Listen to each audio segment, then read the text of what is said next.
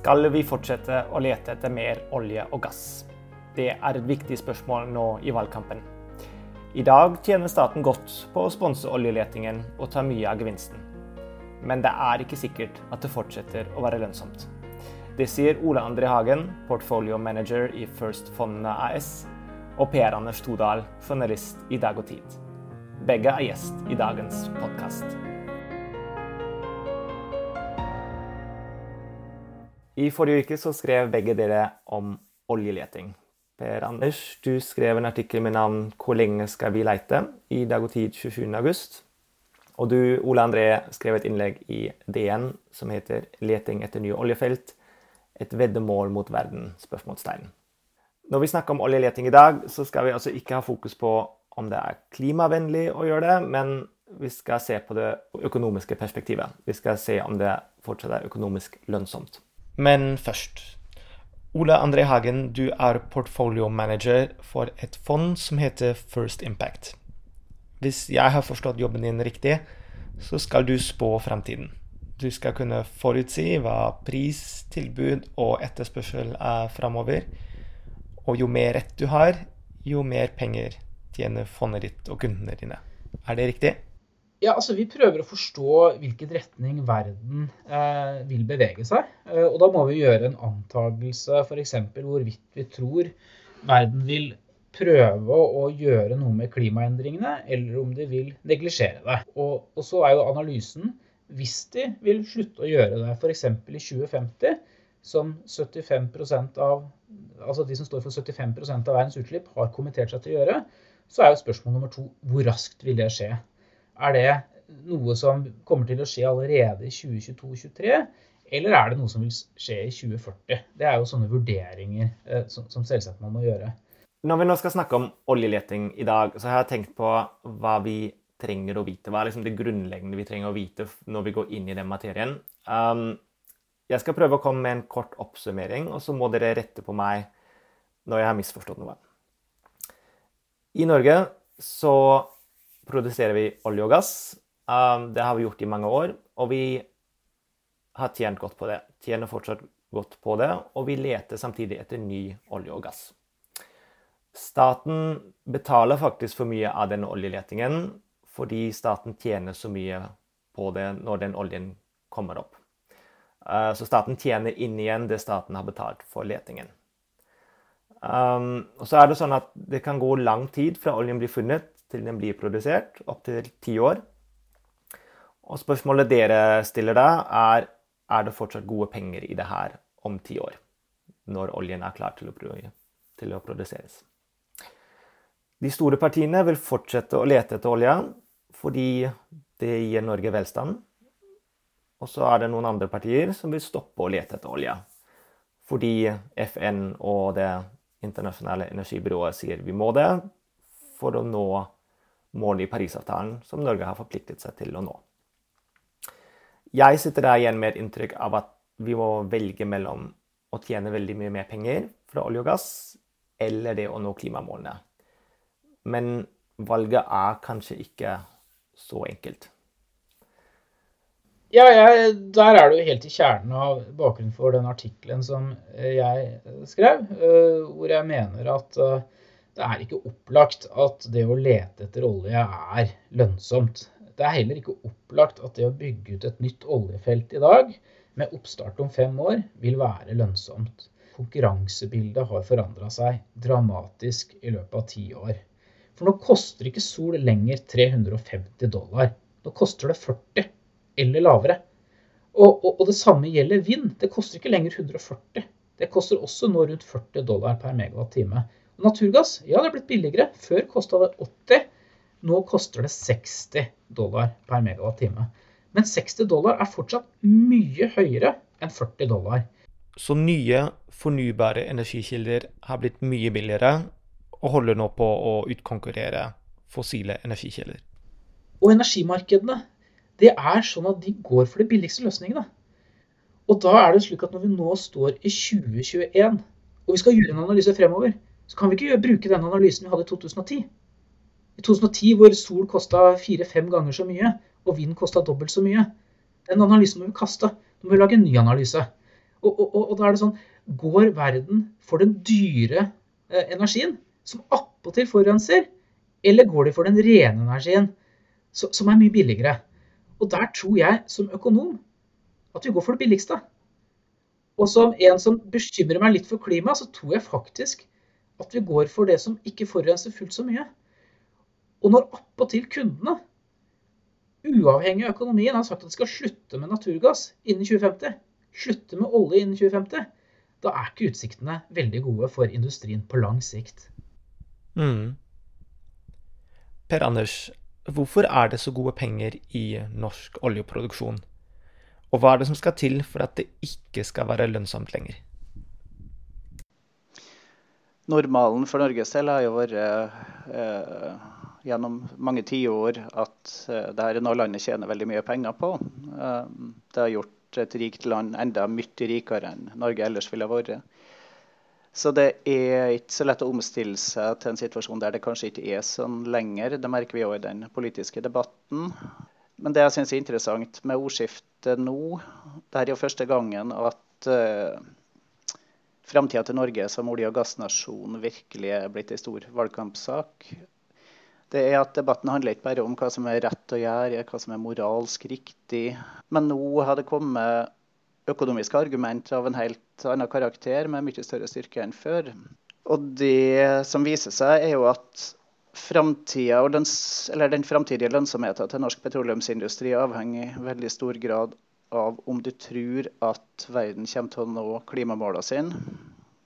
Um, ser, du på, uh, ser du på Parisavtalen, hvis en skal nå den høyeste ambisjonen der og prøve å holde uh, oppvarminga uh, til 1,5 grader, så må den, det store grønne skiftet komme veldig fort. og prisen på fossil energi må falle veldig raskt.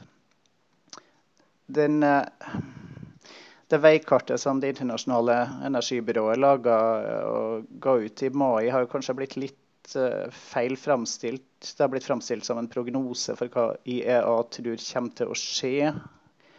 Eh, det IEA sa, var jo i praksis at oljeprisen må ned så fort at eh, det definitivt ikke er lønnsomt å lete etter nye felt og bygge dem ut i Norge f.eks. Det er ikke plass til mer olje og gass enn det som allerede er funnet. Men det forutsetter en veldig effektiv klimapolitikk, og så er spørsmålet om det kommer til å slå til. Og Da handler det om hva vil olje- og gassprisen være i fremtida. Eh, men jeg har lyst til å spørre Ole André, åpenbart tenker ikke alle som deg, ikke alle investorer har tro på at klimapolitikken kommer til å bli så effektiv. Og norske politikere, som for så vidt har skrevet under på Parisavtalen, tror heller ikke at klimapolitikken kommer til å bli så effektiv. Så eh, hva gjør at dine vurderinger uh, skiller seg fra såpass mange andre investorer? Fordi hvis alle tenkte som deg, så ville jo kursen til um, olje- og gasselskaper har rasa og kollapsa nå? Ja, nei, altså Hvis du ser vurderingene, så er jo ikke min vurdering her er jo knytta rett og slett til økonomi. Og når noe er veldig billig, så pleier de dyre alternativene å gå konkurs. Og det skjer. Men det er ikke naturgass som er dyrest. Naturgass er bare veldig mye dyrere enn fornybar. Men du har jo kull, som er enda dyrere. Og kull stenges ned i Europa en masse. Og det stenges ned før planene. Og det at karbonskattene nå også har begynt å øke, gjør at man forserer nedstengingen av kull. Og når du stenger ned et kullkraftverk, så, for, så blir noe av elektrisitetsproduksjonen fra de kullkraftverkene blir borte. Og da skaper det på kort sikt et godt marked for de naturgasskraftverkene som fortsatt opererer. Så du sier kull går konkurs først, og så kommer olje og gass. Når kål har blitt så dyrt, så handler det jo i stor grad om politikk og naturligvis. Eh, det har fått en kostnad å slippe ut CO2, ikke minst i Europa. Så det, det økonomien i det her avhenger også av politikken. Jo hardere klimapolitikk, jo dyrere blir kull, f.eks. Absolutt. Men hvis vi ser på i USA, og hvis vi ser på kullindeksen der av de selskap som var med i den såkalte Dow Jones uh, kullindeks, så hadde den en indeks på 500 dollar i 2010. Og i 2016 så fikk de kanskje den mest kullvennlige presidenten som var overhodet mulig å finne i USA, som, som jobba, heia på industrien.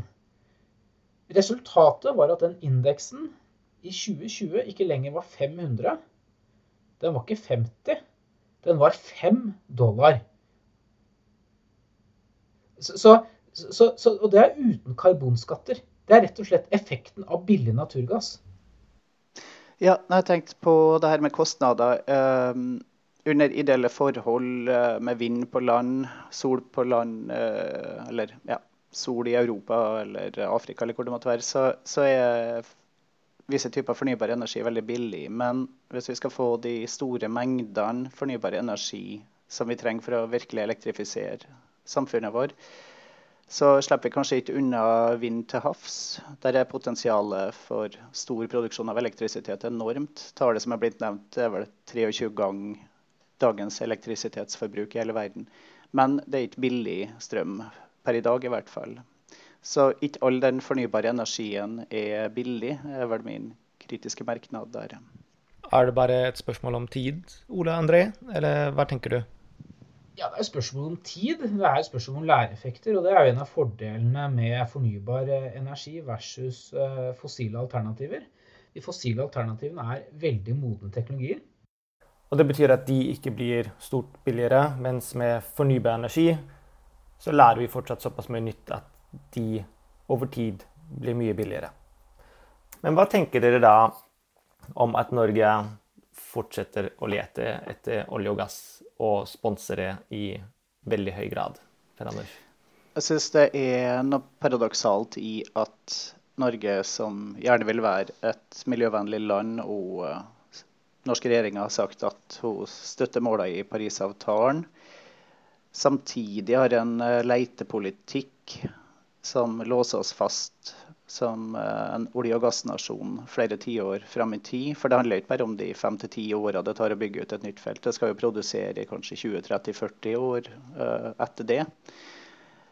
Og Da kan jeg ikke skjønne annet enn at den norske petroleumspolitikken innebærer at den norske staten vedder på at klimapolitikken internasjonalt kommer til å mislykkes. Ja, for hvis den mislykkes, så får vi høyere priser på olje og gass. Det får vi, og da kommer den norske staten til å tjene penger mye lenger på oljen og gassen. Eh, men det, det er kanskje et litt kynisk veddemål.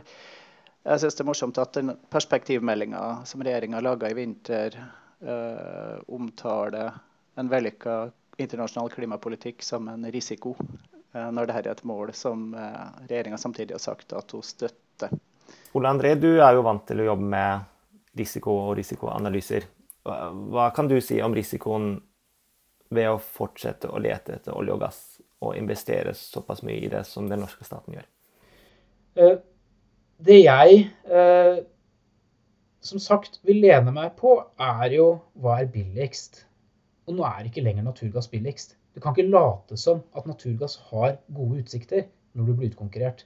Det at du kortsiktig får litt pusterom fordi det er noen som er enda verre stilt enn deg, det, det, betyr ikke at du kommer til å stå på pallen om, om ti år. Det, det, er, det, er det blir en kortslutning. Og, og, det du kan si, er at på kort sikt, pga. de trendene vi ser nå, hvor kull stenges ned, naturgass får et kortsiktig pusterom, genererer veldig solide cashflower, det er penger som vi bør reinvestere i å omstille oss. Eh, hvis vi venter i ti år, til ikke vi lenger blir spurt om eller har muligheten til selv å velge omstilling, men vi blir påtvunget det, eh, da, da har ikke sikkert vi har de kontantstrømmene til å gjøre det heller. Det er det ene poenget. Og det andre poenget er at covid hadde ikke vart veldig mange ukene før oljeprisen og gassprisen var på et nivå som resulterte i, spør du meg, tidenes stimulansepakke til eh, petroleumsnæringen. Slik at petroleumsnæringen er ikke en veldig robust industri hvis råvareprisene går oss imot. Disse endringene som du snakker om her, Ola André, når kommer de til å skje? Jeg vil si Innenfor naturgass så vil vi merke det allerede neste år. Øh, årene etterpå. Men som sagt, usikkerhetsmomentet er hvor mye kull vil på en måte gi pusterom på kort sikt. Men det som skjer i Europa, som er det viktigste eh, gass, eh, gassmarkedet for Norge, det er jo at man fjerner her systematisk utslippskvoter. Så matematisk det er umulig å la disse turbinene gå rundt. Men først er det de turbinene som går på kull, som blir stengt ned. Og så er det naturgass eh, som, som nestemann i køen. Så skal man liksom skyte litt fra hofta, så har du kanskje naturgass en eh, potensielt to-tre år til med eh, pusterom. Og så, og så, begynner det også naturgasskraftverkene å, å, å merke det for fullt. Nå kan vi ikke se inn i hodene til norske politikere. Men jeg er nysgjerrig på hva dere tenker. Hvorfor er det så mange av dem som holder fast ved at vi skal fortsette å lete etter mer olje og gass? Jeg synes det er interessant at de fire største partiene uh, i Norge alle vil fortsette å leite. Det er de mindre partiene som vil ha slutt på leteboringa. Uh, Arbeiderpartiet, Høyre, Senterpartiet og Fremskrittspartiet vil alle fortsette leitinga. Uh, noe av det handler vel om uh, hvor en har kjernepublikummet sitt. Uh, for Arbeiderpartiet det er vanskelig å gå imot LO i et så stort spørsmål som det her. Og Høyre vil jo i stor grad lytte til det NHO sier. Fremskrittspartiet har vært svært oljevennlig hele tida. Og Senterpartiet er blitt veldig glad i diesel de siste åra. Um, så er det kanskje noe vanetenkning her. Um, og kanskje noe kynisme. Altså, en kan jo notere seg at det er ikke så mange som tror verden kommer til å nå målet på halvannen grads oppvarming, eh, og, og begrense oppvarminga til halvannen grad. Erfaringer har vist at utslippskutta som hvert land lover, ikke alltid lar seg realisere. Og Norge har jo ikke lykkes særlig godt med å kutte sine utslipp uh, siden 90-tallet. Så um, jeg tror det er en sånn business as usual-tankegang som er ganske sterk. Uh, det kjennes mer risikabelt å tenke helt nytt og tenke at verden er forandra. Altså kan en jo notere seg at Eh, en klar majoritet av den norske befolkninga ønsker å fortsette leteboringa i de meningsmålingene som har vært gjort på det. Så det er jo et relativt populært standpunkt. Mm.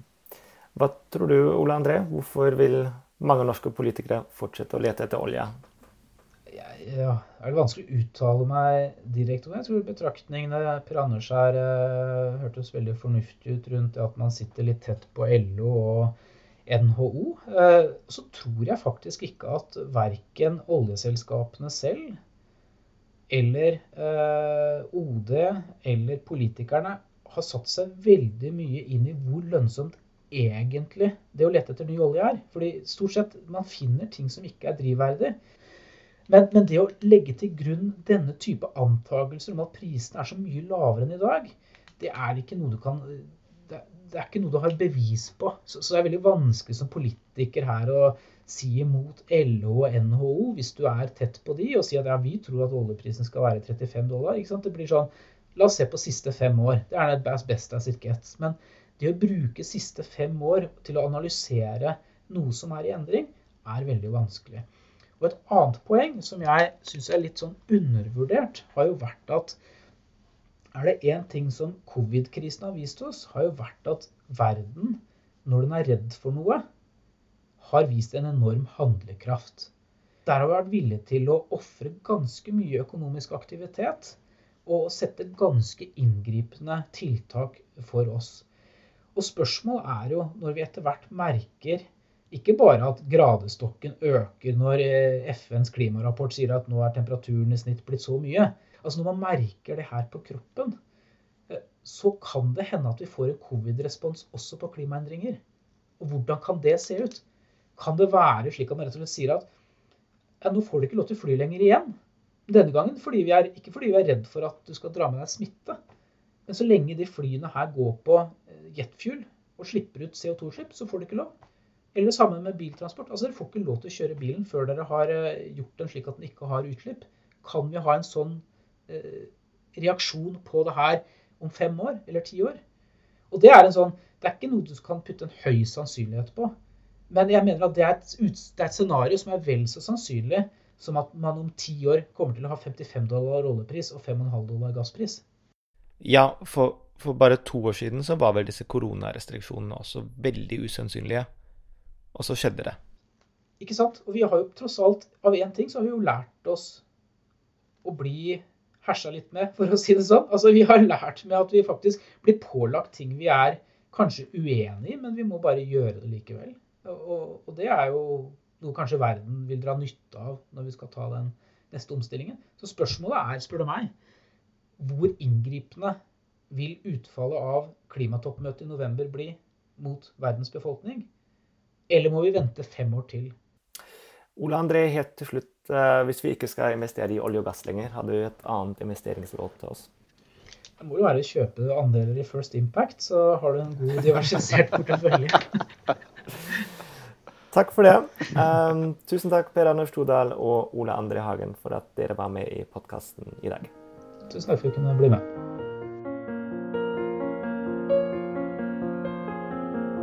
Du hørte på Dag og Tid-podkasten. I studio var jeg, Gregor Falkner. Artikkelen til Per Anders Todal kan du lese på dagogtid.no. Og der finner du også en lenke til artikkelen til Ole André Hagen. Har du tilbakemeldinger på podkasten vår? Skriv gjerne hva du syns til gregor1dagogtid.no. Vi er tilbake neste uke. Takk for at du lyttet.